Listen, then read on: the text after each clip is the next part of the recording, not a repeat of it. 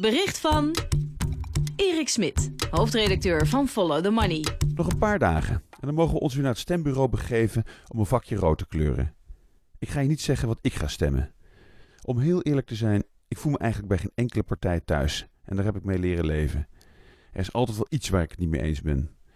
Democratie werkt nu eenmaal niet als een online warenhuis waar je uit je luie stoel van alles kunt bestellen en thuis bezorgd krijgen. Past het niet, dan gaat het pakje terug. Heel gemakkelijk en soms wens je dat alles zo eenvoudig geregeld kan worden.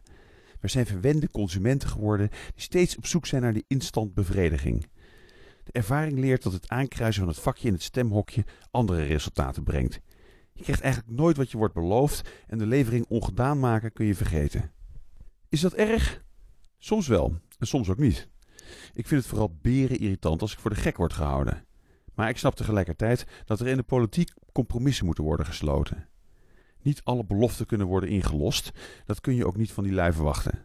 Politici moeten in mijn ogen vooral kunnen inspireren. Ze moeten een oprecht verhaal hebben waar je hoop uit kunt putten.